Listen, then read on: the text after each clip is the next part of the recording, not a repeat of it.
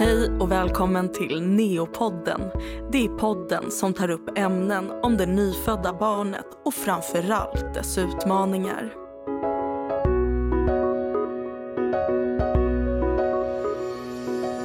Idag ska vi försöka ta reda på mer kring bronkopulmonell dysplasi, förkortat BPD. För vad är en BPD och vad innebär det för ett litet barn att ha en nedsatt lungfunktion? Med oss idag har vi Malin Kjellberg, neonatolog, biträdande överläkare med forskningsområde lungfunktionsnedsättning hos nyfödda.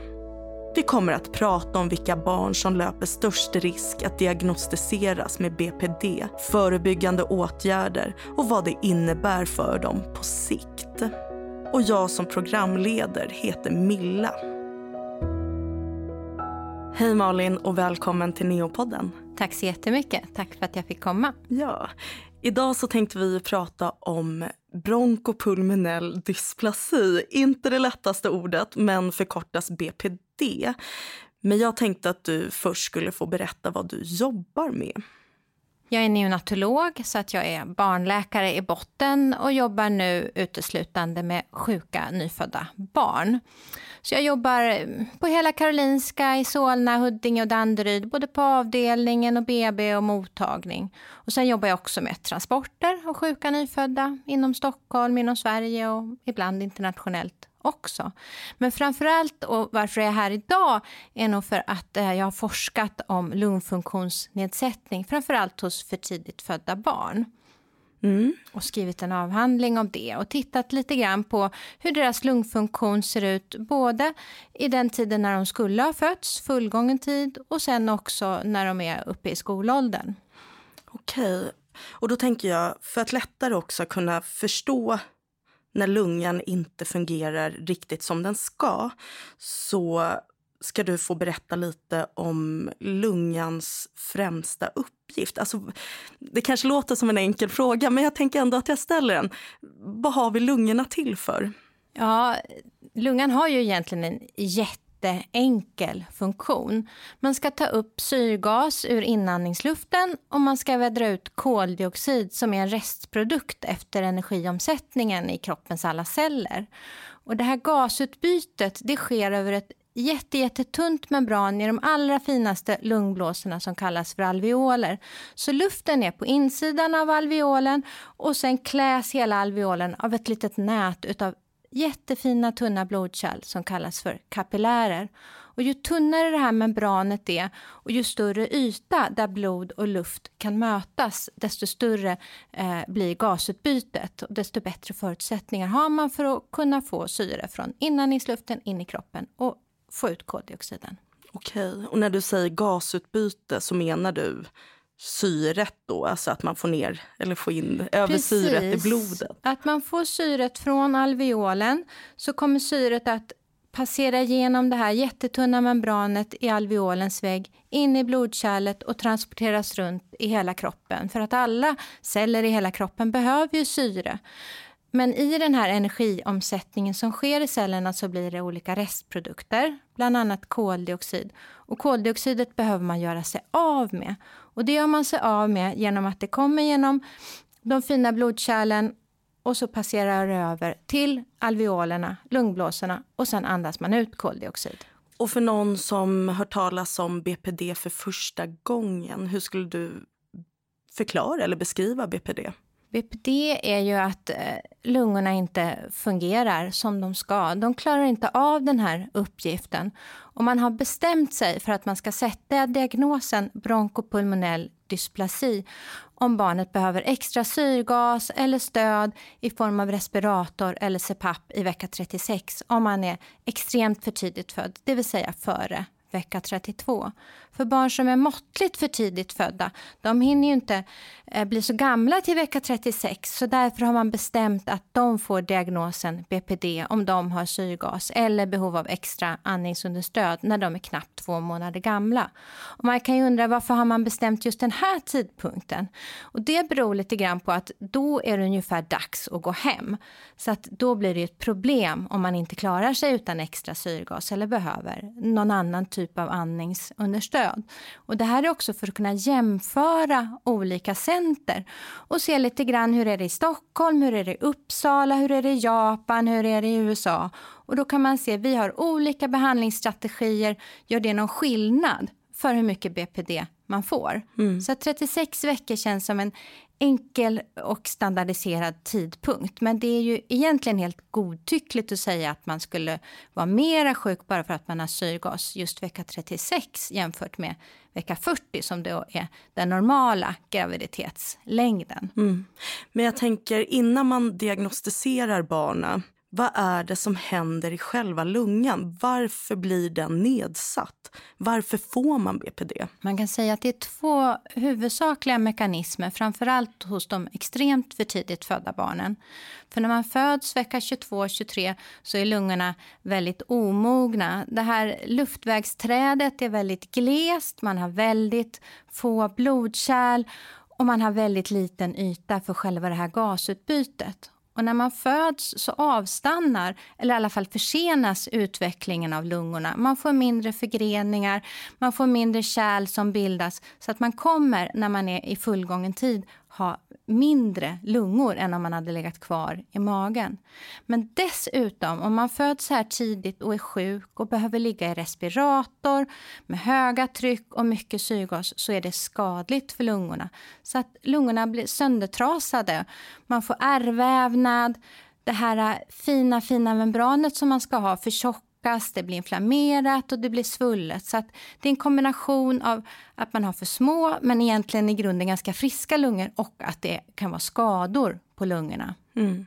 Men om det nu har uppstått skador på lungorna och eh, man tänker sig att det här barnet kommer då utveckla en BPD. Hur ser det ut för resten av kroppen? Det låter ju ganska allvarligt på ett sätt att inte kunna förse kroppen helt optimalt med syre. Alltså, Tar resten av kroppen någon skada? Finns det någon risk för det? Självklart. Alla celler i kroppen behöver ju syre. Men kan man då med hjälp av höga tryck i respiratorn och mycket syrgas ändå syresätta barnet bra så har man ju ändå goda förutsättningar. Men kan man inte göra det, trots allt stöd vi ger, om man inte kan syresätta barnet, då överlever det ju inte. Så är det. Men också så märker man om, man om barnet har väldigt dåliga lungor så kommer den lägga väldigt, väldigt mycket energi på att andas. Och då blir det mindre energi över till resten av kroppen.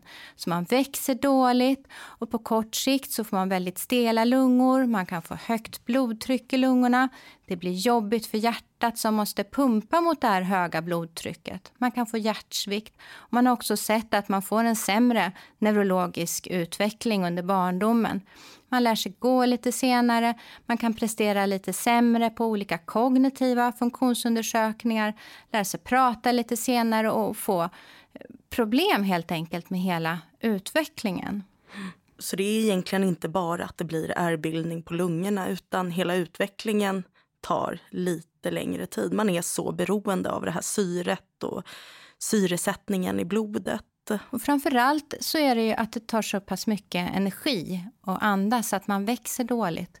Eh, och man behöver ju växa för att hjärnan ska utvecklas, för att musklerna ska utvecklas och för att hela kroppen ska utvecklas. Mm. Du nämnde, eller du sa väldigt för tidigt födda och då tänker jag att det är en riskfaktor.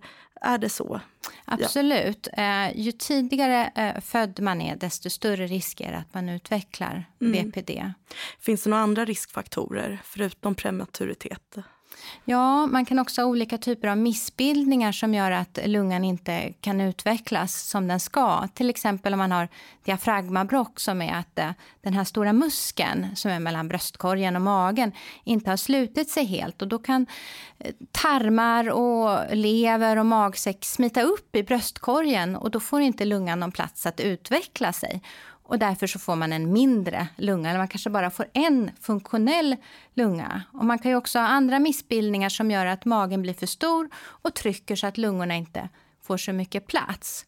Och en annan riskfaktor är om vattnet går väldigt, för, väldigt mycket för tidigt. Speciellt om det går före vecka 20 så är det stor risk att man får mindre lungor och att lungorna är väldigt inflammerade när man föds. För det är nämligen så att den här förgreningen som sker utav luftvägsträdet, det är beroende av att man andas in fostervatten. Det blir som en signal att eh, de här fina lunggrenarna ska dela sig.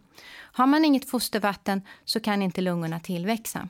Mm. Och dessutom, när vattnet går så kan bakterier krypa upp och man får en inflammation i lungorna. Man får förtjockade membran, man behöver högre tryck i respirator och mera syrgas för att kunna syresätta sig. Mm. Hur ser det ut för fullgångna barn? Om vi tänker oss barn som inte föds med en lungmissbildning eller en förstorad mage eller någonting som trycker på lungorna så att säga. Kan de också utveckla BPD? Nej, de har extremt liten risk för det. Men då tänker jag, om du skulle få beskriva det typiska barnet som löper risk att utveckla BPD. Hur ser det barnet ut? Det är oftast extremt för tidigt fött. Ju tidigare desto sämre som sagt.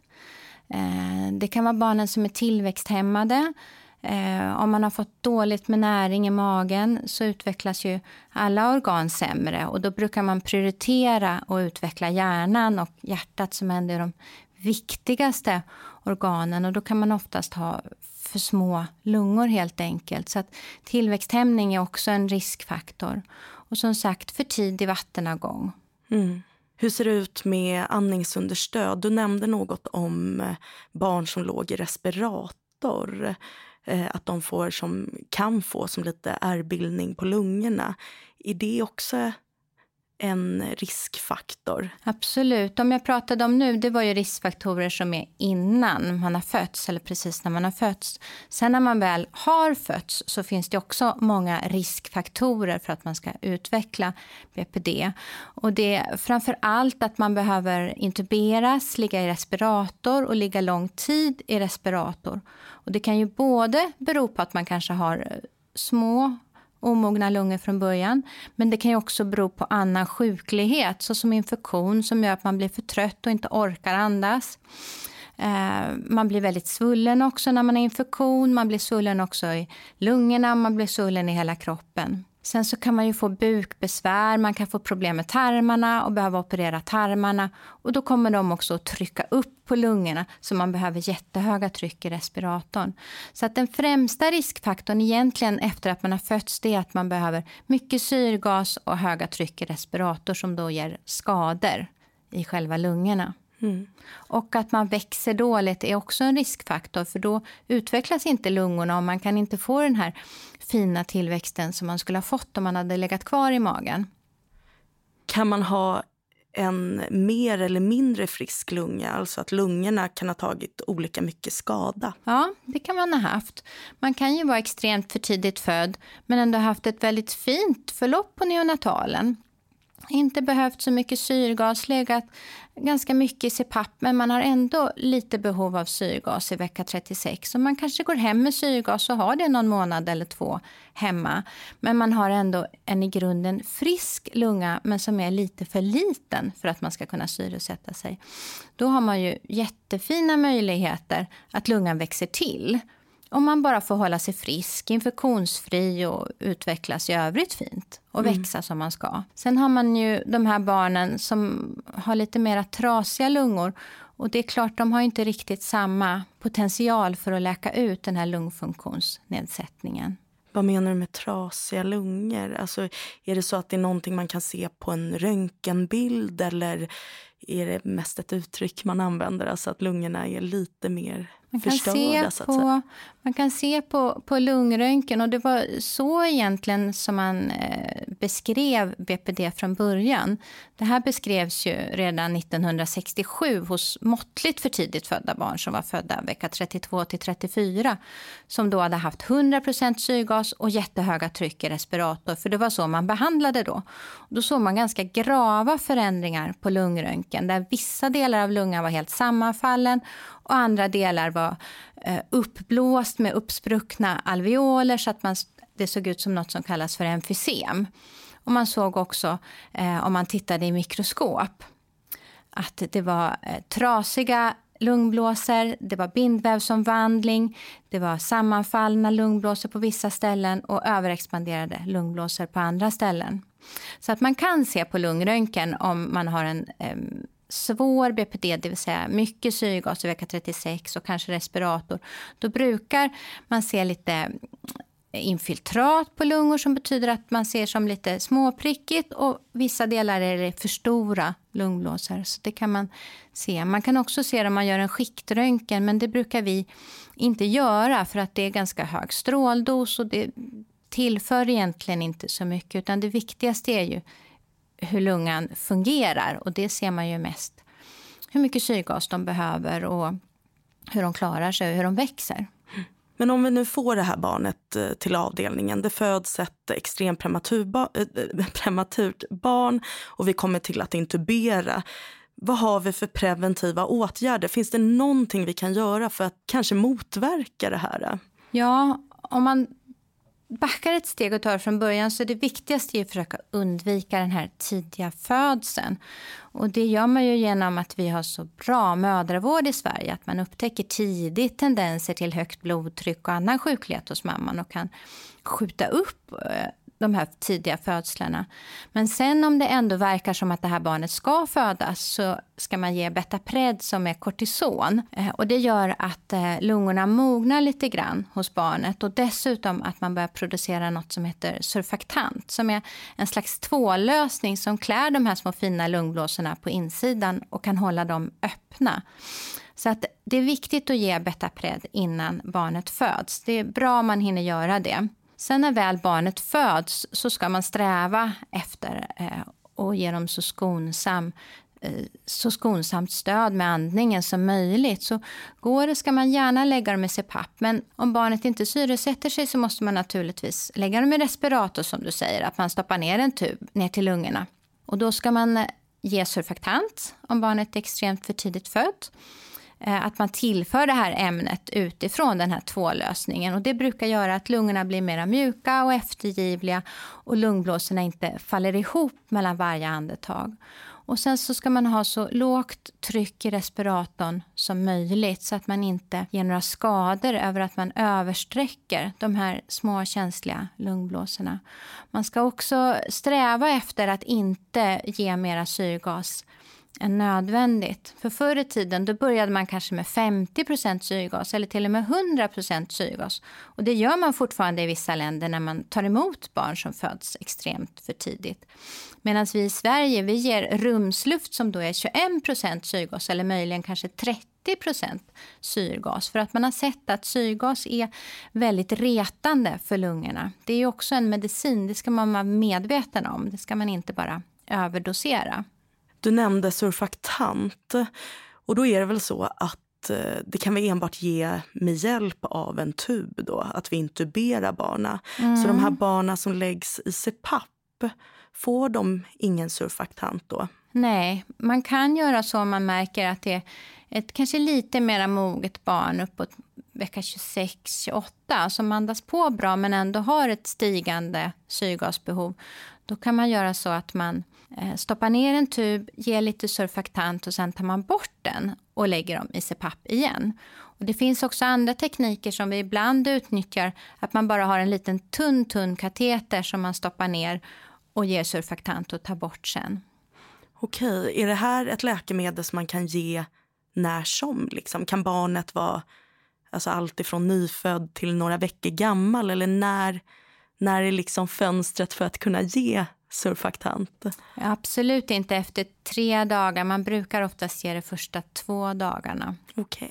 Mm. Oftast brukar man ge det inom några timmar efter förlossningen. Men man ger det då när man intuberar eller om barnet som sagt har ett lite stigande syrgasbehov men ändå är pigg och man tror att de kan andas på själva efter att de har fått det här ämnet.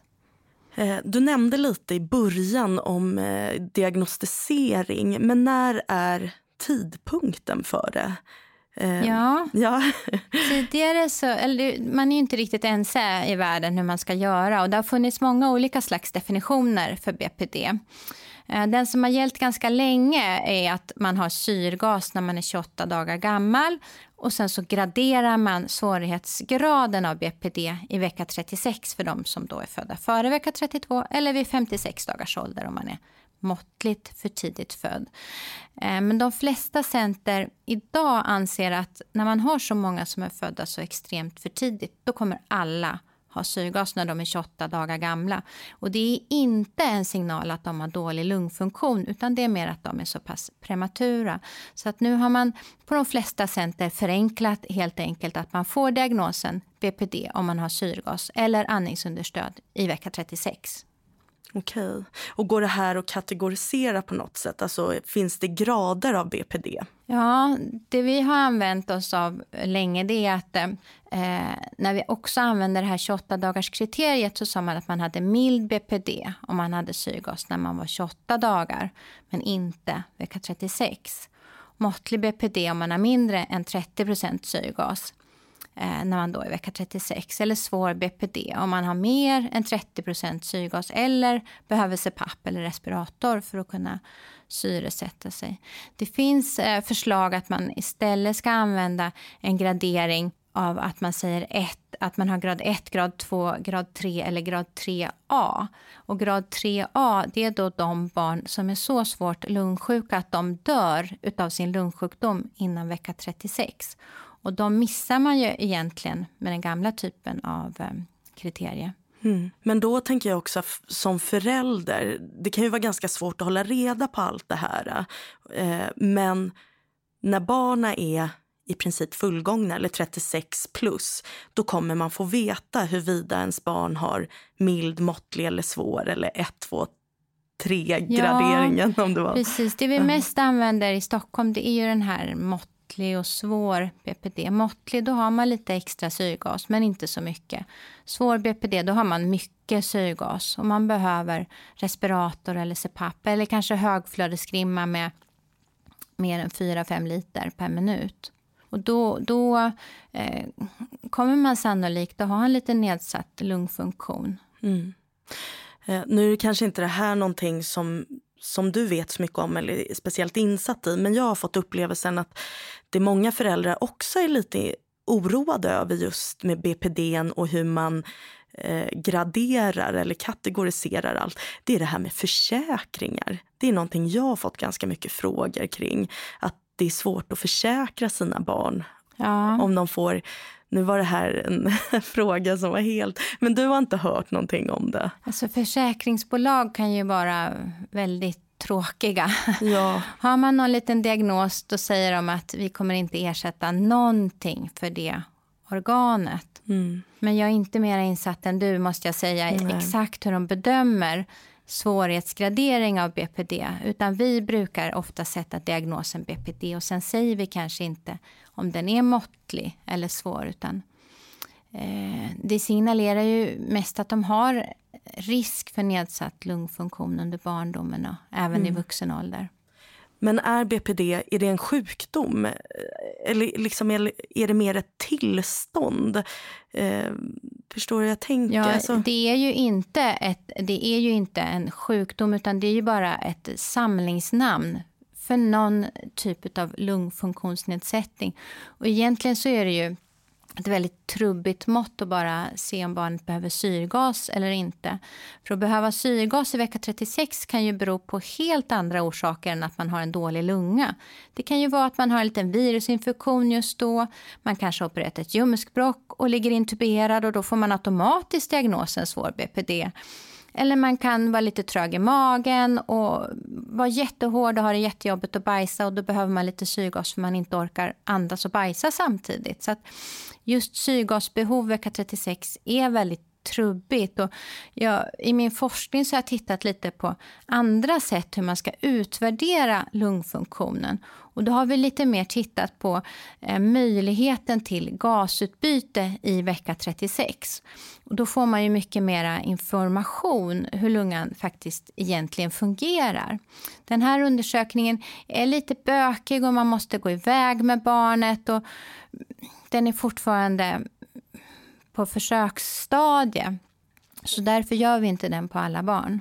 Men kan du ändå inte bara berätta li lite grann om det? Vad är det ni gör? Varför behöver ni gå iväg med barnet? Vad är det ni tittar efter? Eh, man tittar hur väl eh, luftflödet och blodflödet matchar i lungan. Eh, så då gör man en skintigrafi, en tredimensionell skintigrafi. Så att man sprutar in ett ämne i ehm, ett blodkärl på handen eller foten eller någonstans. Och sen kommer det här sprida sig i lungan. Och sen är det svagt, svagt radioaktivt så att det kommer då att stråla ut eh, små isotoper som man då registrerar på plattor som eh, cirklar runt barnet. Eh, sen så tillför man samma ämne i inandningsluften och så ser man hur luftflödet fördelar sig i lungorna. Sen jämför man de här två bilderna och för att man ska kunna ha ett effektivt gasutbyte så måste ju luften och bloden gå till samma ställe. Annars så kommer man inte ha något bra utbyte. Och då kan man bedöma hur många procent av lungan som är matchad. Det vill säga att eh, luften och blodet går till samma ställe och får därmed en, en slags eh, eh mer kvantitativ bedömning av hur lungfunktionen är. Men den här har också sina brister. Om man har väldigt mycket slem i lungan så kan den ge falskt för låga värden. Eh, och dessutom måste man som sagt gå iväg med barnet till en röntgenavdelning. Vilka barn skulle man kunna tänka sig göra en sån här undersökning? Det är väl bra kanske på barn som har en svår BPD men det pågår också forskning att man istället ska göra med MR och använda olika typer av gaser. Eh, och då slipper man ju strålningen helt också. Så det kanske är det som är framtiden. Sen kan man göra lungfunktionsundersökningar, spirometrier som är speciellt anpassade för bebisar. Och där kan man också få mycket information. Vi pratade ju lite om preventiva åtgärder. Vad finns det för behandling? Ja, behandling för BPD, det, det, finns egentligen eh, väldigt lite som har bevisad effekt för att man ska minska förekomsten av BPD. Man har sett att eh, intubera ett barn leder till ökad risk för BPD. Eh, så att det man eh, kan säga som behandling eh, det är från början och undvika syrgas eh, och eh, att behandla med koffeincitrat som vi gör till alla för tidigt födda barn. Det har man sett minskar risken för BPD. Och det tror man också är för att barnen andas bättre själva. Och även om de ligger i respirator så är det bra om de andas och styr sin syresättning och andning lite mer själva. Så koffeincitrat har bevisad effekt. Eh, surfaktant har inte riktigt bevisat att det minskar förekomsten av BPD. Men det kan ju också bero på att flera barn överlever när de får surfaktant. Eh, sen så kan man också, om man väl har eh, ett högt syrgasbehov och känner att det här barnet är kanske vecka 32, 34 och har, kommer sannolikt att utveckla en BPD så finns det ju också eh, behandlingar som man kan ge men som är egentligen bara kortsiktiga. Man kan kortsiktigt förbättra lungfunktionen genom att ge vätskedrivande, göra att lungorna blir mindre svullna och man kanske kan extubera barnet. Man kan också ge kortison som också gör att man får mindre kapillärläckage. Det blir mindre vätska i lungorna och lungorna blir lite mindre inflammerade. Och Då kan man få ett fönster när man tar bort respiratorn. För att ligga kvar i respirator det ökar också skadorna, så det är viktigt att man kan extubera barnet och i alla fall prova att ha dem i CPAP. Mm. Sen kan man också ge vitamin A, har man gjort i stora studier, men det är eh, ganska bökigt. Man måste ge det i muskeln och man måste ge det under lång tid. Sen finns det väldigt spännande forskning att man ger låg dos kortison eh, i förebyggande syfte när barnen föds. Och det är faktiskt ganska lovande, men det är inte någonting som vi eh, har börjat med hos oss ännu, för vi tycker inte riktigt att vi har tillräckligt med stöd för att göra det. Sen kan man också ge högdos kortison har man gjort i olika studier vid 7, 14, 21 dagars ålder. Och det kan minska förekomsten av BPD men det har också mycket andra biverkningar. Att det kan gå hål på tarmen och man kan få lite neurologiska bieffekter av okay. det. Det känns som att det finns ingen direkt lösning eller en medicinering. Att det, liksom, det finns ingen operation som kan ta bort eller bota det här? Nej, det finns det inte. Men det, man kan säga att den bästa behandlingen för BPD det är att barnet mår bra och växer. För när barnet växer så växer lungan, det bildas mer alveoler, man får mer förgreningar och får en bättre lungfunktion. Och behöver inte lägga lika mycket arbete på att andas och behöver inte ha den här syrgasen som också ger en inflammation. Och man slipper respiratorn och kan andas själv. Så det bästa är att barnet växer bra, att man verkligen ser till att få i alla näringsämnen så att man får en bra tillväxt. Så om jag förstår dig rätt, ju större barnet blir så växer också lungorna och därav blir liksom bekymret mindre, eller ärrbildningen eller så. Man kan säga att när barnet växer så växer lungan också, precis som du säger. Men sen ska man heller inte bara hälla i barnet rent fett så att de blir tjocka. För då blir det också jobbigt för lungan att få tillräckligt mycket syre. Så att de ska ju växa proportionerligt. De ska gå upp och de ska både bli längre och de ska öka i vikt och huvudet ska öka. Har man sett att barn kan växa ifrån BPD? Alltså som, ja, som vuxen?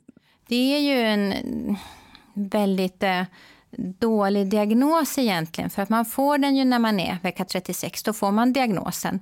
Och det säger egentligen inte så mycket om hur det ska gå sen. Men man har ju den där stämpeln i sin journal. Sen betyder det kanske inte så mycket. Eh, det viktiga är väl hur det går för de här barnen. Då kan man säga barn med högt syrgasbehov vecka 36 eller som behöver mycket andningsunderstöd. De kommer ha en kvarstående nedsatt lungfunktion. Men man har också sett att alla extremt för tidigt födda barn har som grupp lite lägre lungkapacitet än barn som är födda i normal tid. De når liksom inte samma topp som barn som är födda i fullgången tid. Mm. Och man vet inte riktigt hur det kommer gå för dem på sikt. Men om du ändå skulle kunna säga någonting, om jag tänker att eh, ett barn som har nu svår BPD och är ett år gammal och du kanske träffar barnet på mottagningen. Hur ter de sig? Hur mår de? Jo, men eh, det beror lite grann på hur pass svår BPD de har. Om de fortfarande har syrgas, då brukar de ju vara lite försenade motoriskt. Om de är ett år gamla, då har de nog inte börjat gå än. De kanske inte jollar så mycket, kanske inte kryper heller. De blir lite hämmade utav det.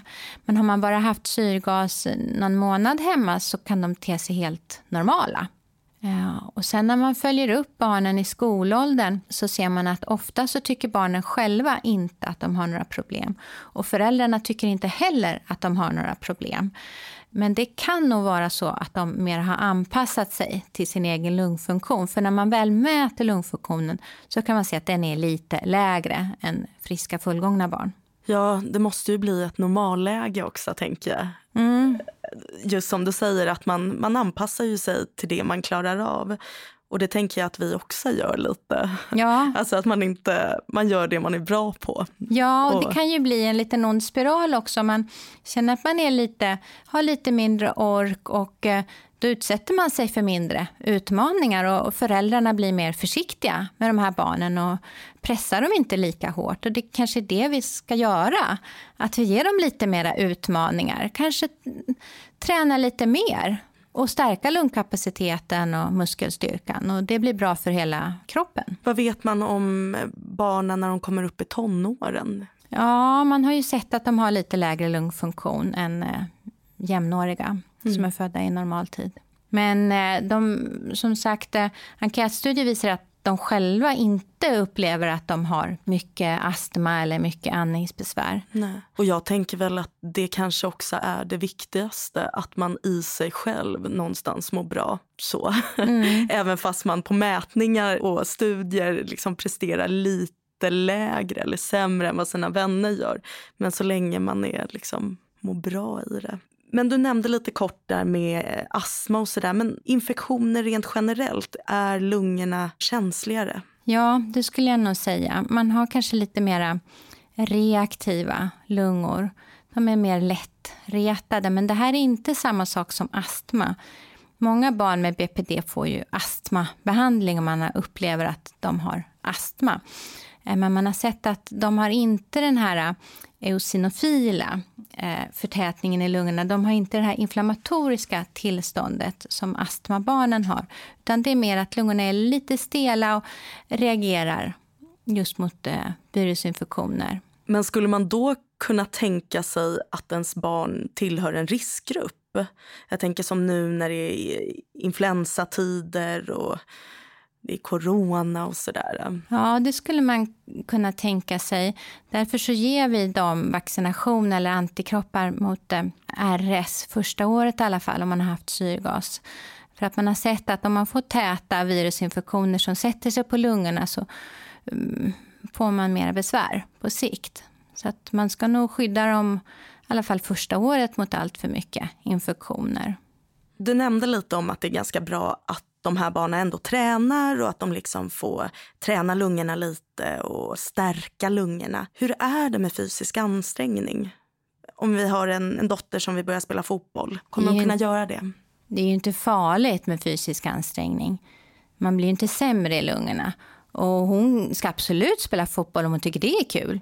Hon kommer liksom sätta sig ner och vila om det blir för jobbigt. Så att, eh, man ska inte begränsa sina barn. Man kanske ska skydda dem lite mot infektioner men absolut inte begränsa dem. utan Låt dem göra det de tycker är kul. Finns det någon annan sjukdom BPD kan liknas vid? Någon annan lungsjukdom eller så? Man har ju jämfört det lite grann med KOL eh, Eh, som är den här sjukdomen som äldre får. Att man har större och färre alveoler, de här lungblåsorna. Eh, och man har också sett på för tidigt födda som är födda för jättelänge sedan, före eh, 50-talet, att de har lite ökad förekomst av KOL och lite sämre lungkapacitet. Men de personerna har ju behandlats på ett helt annat sätt än vi behandlar för tidigt födda idag. Så vi kan egentligen inte dra några slutsatser hur det kommer att bli för våra barn som vi behandlar. Men man kan väl absolut säga att man ska inte utsätta sig för risker. Man ska inte börja röka om man har haft en BPD. Man ska inte utsätta sig för, för eh, skadliga miljöer med mycket luftföroreningar. Men det gäller väl egentligen alla. Men man kan nog vara lite extra känslig eftersom man inte når samma platå i lungfunktionen. För lungorna utvecklas ju fram tills att man är 25 ungefär. Och sen så försämras lungfunktionen lite grann varje år. Och har man då en lägre puckel så är det ju risk att eh, man snabbare går ner där man kommer att ha en för dålig lungkapacitet. Hur följer ni upp de här barnen? Ja, eh, det är en samvetsfråga. Vi har ju vårt uppföljningsprogram för alla extremt för tidigt födda. Där tittar vi väldigt mycket på neurologi, men alla barn med svår BPD skickar vi remiss till lungmedicin så att de får göra en spirometri och sen får de gå på lungmedicin för uppföljande kontroller. Sen följer vi alla riskbarnen tills de är fem år gamla. Och då efterhör man ju också lite grann hur det är med lungbesvär. Jag skulle ju då önska att vi följde alla de här barnen lite tätare men vi är inte riktigt där ännu. Nej.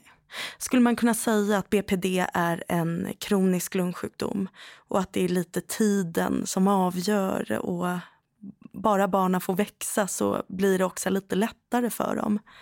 Det låter som en jättebra sammanfattning.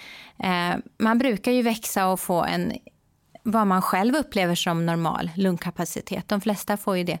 Vissa har ju jättesvår lungfunktionsnedsättning och självklart blir det ju jobbigt för dem. Men det är väldigt få barn av de som föds hos oss i Stockholm som verkligen får en grav lungfunktionsnedsättning. Malin, nu har inte jag några fler frågor. Är det något du vill tillägga? Nej, det är nog inget speciellt. Annat än att eh, det är absolut inte så farligt att få en diagnos med BPD.